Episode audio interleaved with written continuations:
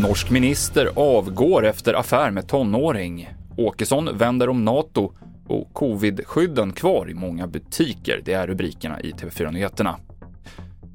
Det kommer mer vapen till Ukraina. Storbritannien och Australien levererar för första gången bepansrade fordon och EU, som redan har avsatt en miljard euro för att stödja de ukrainska styrkorna med vapen, lovar nu ytterligare en halv miljard euro.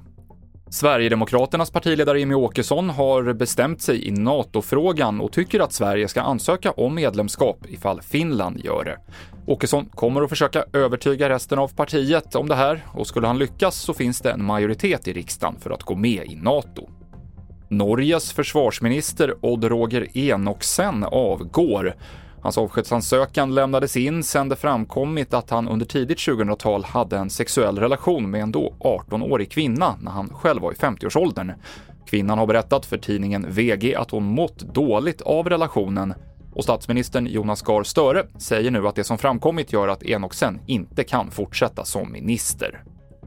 Trots att covid-19 inte längre klassas som en samhällsfarlig sjukdom så väljer många handlare att behålla plexiglas och avståndsmarkeringar för att skydda mot smitta.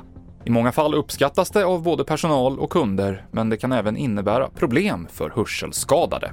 Ja, problemet är ju att vi inte hör. Alltså vi får, ljudet går inte igenom plexiglaset tillräckligt för att vi ska kunna höra. Dels kan man ju tänka sig mikrofoner och högtalare, men den bästa lösningen för oss hörselskadade det är ju där vi kan få in ljudet i våra hörapparater.